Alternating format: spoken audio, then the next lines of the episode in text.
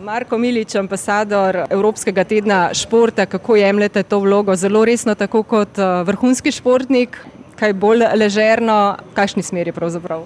Malo manj resno, kot vrhunski športnik je včasih preresno, pa tudi včasih je in, in psiha in telo praktično do nekega svojega limita pregnan, da dosegaš te rezultate. Veliko lepši šport je za mene ta otroški šport, kjer je čist, kjer je, kjer je nasmeh, kjer otroci zberejo šport, pač ki jim odgovarja, sam igranje pa nobenega pritiska. Za dobro počutje je pa ta rekreativen šport, normalen, doziran z, nek, z neko mero, kle največ tistega dobrega fizičnega počutja, normalen to pa tudi povezan z naravo, s prijatelji, tako da m, trenutno sem v tej umestni fazi rek, rekreativnega športa.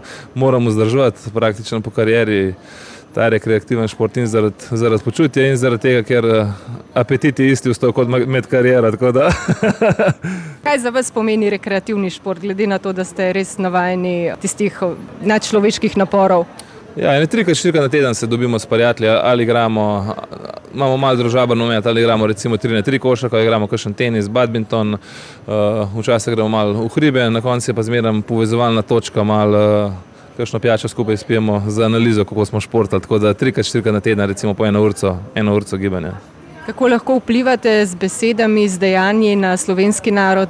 Recimo, ko se začneš, bolj ko govoriš, pa filozofiraš, ne moreš nekako prenesti. Ampak, ko se človek začne malo mal gibati, pa ko, ko se čuti, recimo, kako telo se prekrvi, pa preplavi tisti pozitivni občutki, kako se dobro počutiš, recimo, te to zagrapa. Ne je samo, da ne začneš športati kar iz nule uh, na, na full, da, da ni telo v šoku, da ne, ne pride kakšne bolečine v hrbtih ali pa karkoli, kolenih, uh, da, da postopoma začneš, potem pa bolj ni treba več prepričovati, ker se vsak tako dobro počuti, da je važno, važno samo še, da najdeš aktivnost, ki ti odgovarja pač in tvojemu telesu in to je to. In v tej smeri boste delovali tudi v Evropskem tednu športa?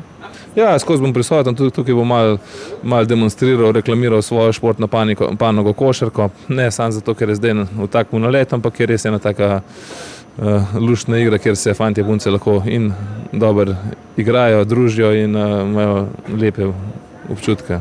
Šport je vrednota, šport združuje, to smo slišali, oziroma sploh v zadnjem obdobju večkrat radi poudarjamo. Zdravje pa vendarle na prvem mestu.